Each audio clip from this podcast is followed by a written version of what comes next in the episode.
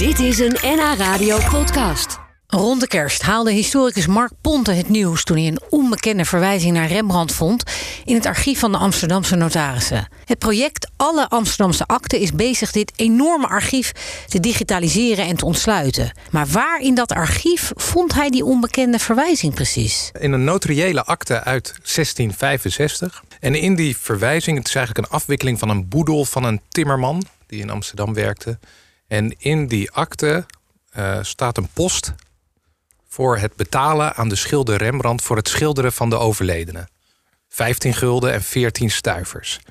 En uh, het notarieel archief van Amsterdam is een rijke bron, ook voor de geschiedenis van Rembrandt. Hè.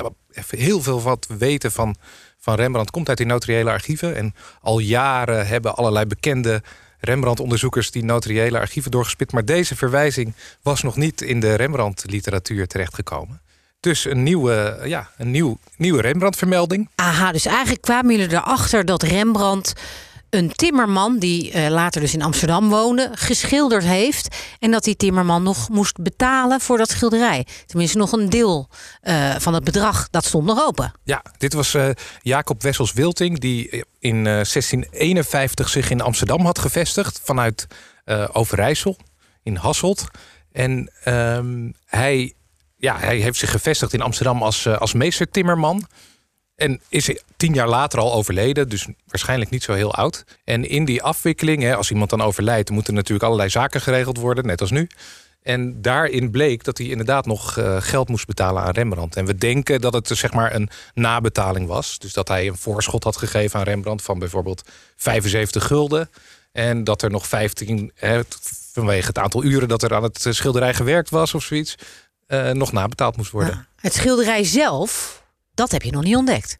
Nee, nee, dat is natuurlijk heel lastig. Kijk, er zijn ontzettend veel Rembrandts uh, bekend inmiddels. Uh, maar nog niet eentje dat we denken van nou, dit moet die Timmerman zijn. Het is ook heel lastig om dat vast te stellen natuurlijk, omdat dit eigenlijk de enige verwijzing naar het schilderij tot nu toe is. Ja. Het zou best kunnen dat er een schilderij is dat nog geen naam heeft gekregen, dat uh, ergens in een museum hangt. Dat zou wel geweldig zijn. Timmerman is. Die zoektocht gaat verder, neem ik aan. Zo'n zoektocht gaat altijd verder, maar je weet niet of daar echt iets uh, uit gaat komen. Nee. En voor nu hebben we vooral eens uitgezocht van, nou goed, wie was die Timmerman nou? Hè? Want Timmerman, dat woord klinkt misschien een beetje, nou ja, goed, eenvoudig. Uh, uh, maar hij was betrokken bij volgens mij heel veel grote projecten in, in Noord-Holland. Ja, klopt. Um, Zo'n timmerman, hij was meester timmerman, hè, dan was je lid van het gilde.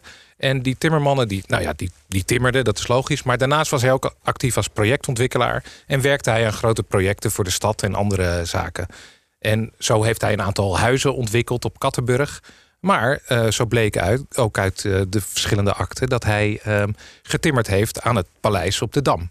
En dat is voor ons als historici heel interessant, omdat we eigenlijk weinig weten van de gewone werklieden die aan het stadhuis hebben gewerkt. Natuurlijk weten we van de kunstenaars die de mooie schilderijen hebben ge geleverd. Hè, Govert Flink en Ferdinand Bol. Maar dat er, uh, wie er nou precies uh, echt getimmerd hebben... dat wisten we tot nu toe niet. En hier hebben we er toch weer één gevonden. Daarnaast um, heeft hij ook het timmerwerk in Schravenlanden... in de kerk van Schravenlanden, beroemde kerk van Stalpaard. Dus zo zie je dat hij duidelijk allerlei grotere en kleinere projecten uitvoerde. En in die hoedanigheid um, zal die ook geportretteerd zijn door, door Rembrandt? Ik bedoel, voor zijn vak? Nou, waarschijnlijk heeft hij gewoon uh, graag een schilderij laten maken van zichzelf. Okay. En dat was in die tijd uh, zeer populair om uh, schilderijen te maken. Er zijn ja, heel veel schilderijen ook overgeleverd uit die tijd. De meeste portretten uit die tijd weten we ook helemaal niet wie erop staan. En ja, hij, hij wilde natuurlijk zichzelf laten zien als nou ja, iemand die het gemaakt had ja. in Amsterdam. En hebben jullie een vermoeden wat er met het schilderij... ja, misschien is het nog ergens op de wereld... maar wat er, wat er mee gebeurd zou kunnen zijn? Nou, normaal gesproken zijn er uh, eigenlijk drie opties. Uh, het ene is dat het vererfd is. Dus bij zijn zuster terechtgekomen, mogelijk in, in Hasselt. het andere is dat het eigenlijk al vrij snel verkocht is. En dan, ja, dan gaat het uit de familie en dan weet niemand meer wie erop staat. En het derde is dat het uh, bij het uh, grof vuil terecht is gekomen op enig moment in de afgelopen 350 jaar. Nou, dat zou wel ontzettend uh, jammer zijn geweest.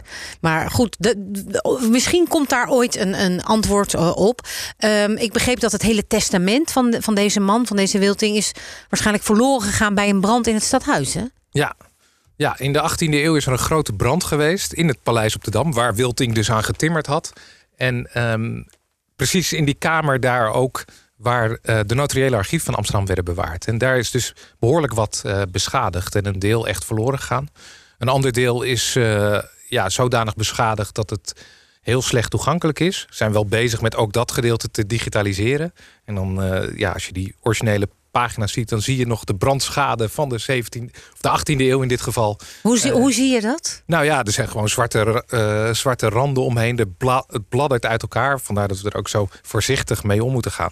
Maar met de nieuwe technieken, ook van digitaliseren, kun je steeds meer uh, doen. En inderdaad, zijn testament is ooit opgemaakt bij een, een van die notarissen waarvan bijna alle akten verloren zijn gegaan. Ja, ja Gerrit Steeman. Ja. Dat di digitaliseren en met je hoofd in de archieven zitten, dat klinkt misschien heel saai. Maar als we dit verhaal horen, is het eigenlijk een super opwindend werk.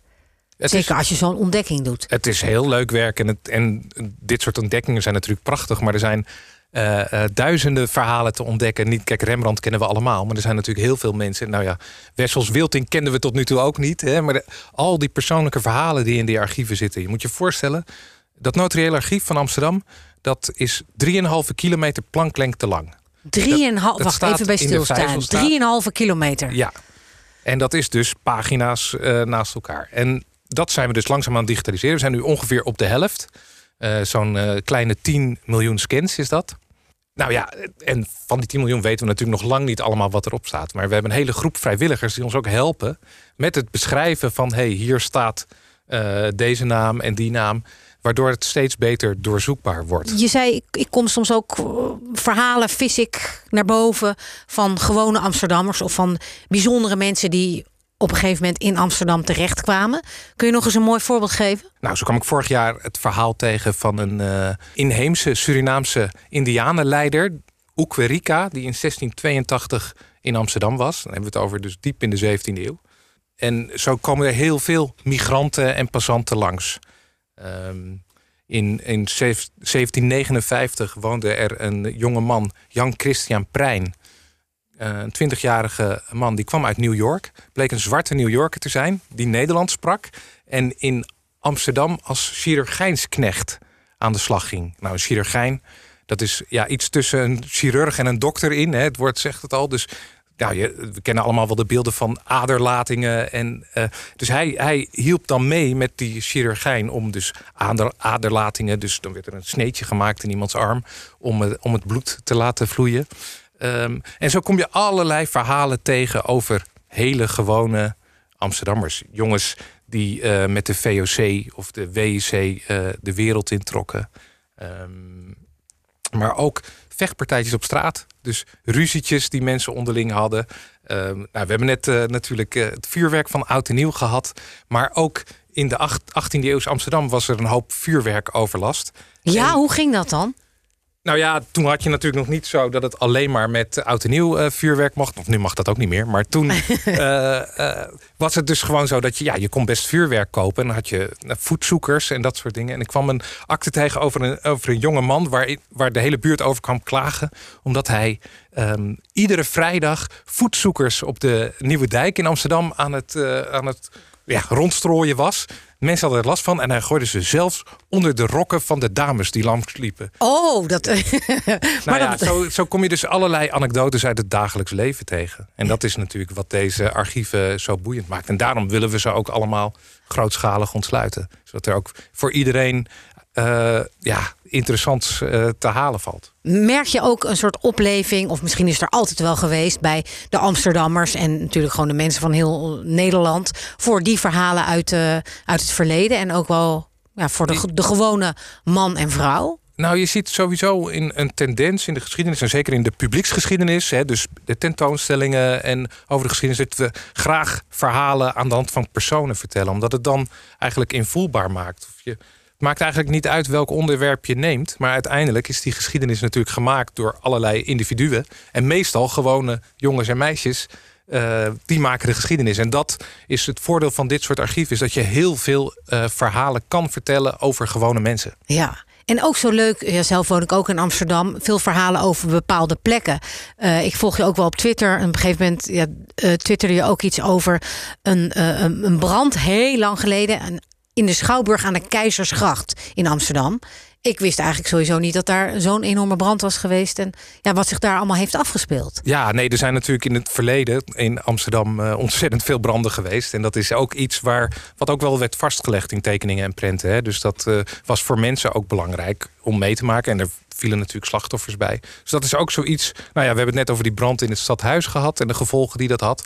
De brand in de stad Schouwburg, waarbij veel slachtoffers uh, zijn gevallen. Um, ja, je had nog niet de brandweer zoals nu. Je had natuurlijk op een gegeven moment de uitvinding van de brandspuit. En uh, toen kon men al beter uh, branden blussen. Um, maar eigenlijk, je kan het zo gek niet bedenken. Alles wat wij nu uh, in de stad gebeurt, gebeurde toen ook. Dus, ja, uh, je, soms denk je inderdaad zoiets als met dat vuurwerk, dat is echt iets van nu. Maar dat gaat wel veel verder terug dan, uh, dan ja, we denken. In... En ook het feit hoe je daarmee omgaat. Of je gehoorzaam bent of denkt, nou ja, ik doe het wel. Ik gooi die voetzoeker wel onder die jurk van die vrouw. Of kan me schelen. Ja. Dat is dus van alle, van alle tijden eigenlijk. Um, tot slot, maar hoe, hoe ontspan je eigenlijk als historicus? Want als je zoveel in je hoofd hebt, dan kan ik me voorstellen dat je gewoon in constant aanstaat. En, uh, nou, hoe vind ja, je dan de rust? Ja, er zijn heel veel uh, manieren waarop je rust kan krijgen. Het is wel zo dat ik uh, graag tot s'avonds laat inderdaad... vooral omdat die archieven digitaal zijn... dat ik gewoon nog doorlees. En het kan ook heel ontspannend zijn hoor... om, om gewoon leuke verhalen uit het verleden te onderzoeken. En uh, het aardige is, wij hebben uh, enkele honderden vrijwilligers die ons hierbij helpen. En die doen dit ook deels omdat ze het leuk vinden, maar deels ook omdat het ontspannend is om gewoon verhalen te lezen uit het verleden. Ja, uh, ja voor de rest kan je natuurlijk van alles bedenken om, om te ontspannen. En mensen die dit horen en denken van hé, hey, maar ik wil wel eens digitaal neuzen in dat stadsarchief, hoe kan dat? Uh, er zijn meerdere dingen. Nou, je kan dus vrijwilliger worden en je dan uh, meegaan doen met het lezen van die akten en ze invoeren. Dat gaat via velehanden.nl en via onze website, het, uh, hè, waar je in de archieven kan zoeken. Daar zijn inmiddels al um, ehm, 2 miljoen pagina's te doorzoeken op naam en, en op locaties. Dit was een NH Radio podcast. Voor meer, ga naar nhradio.nl. NH Radio.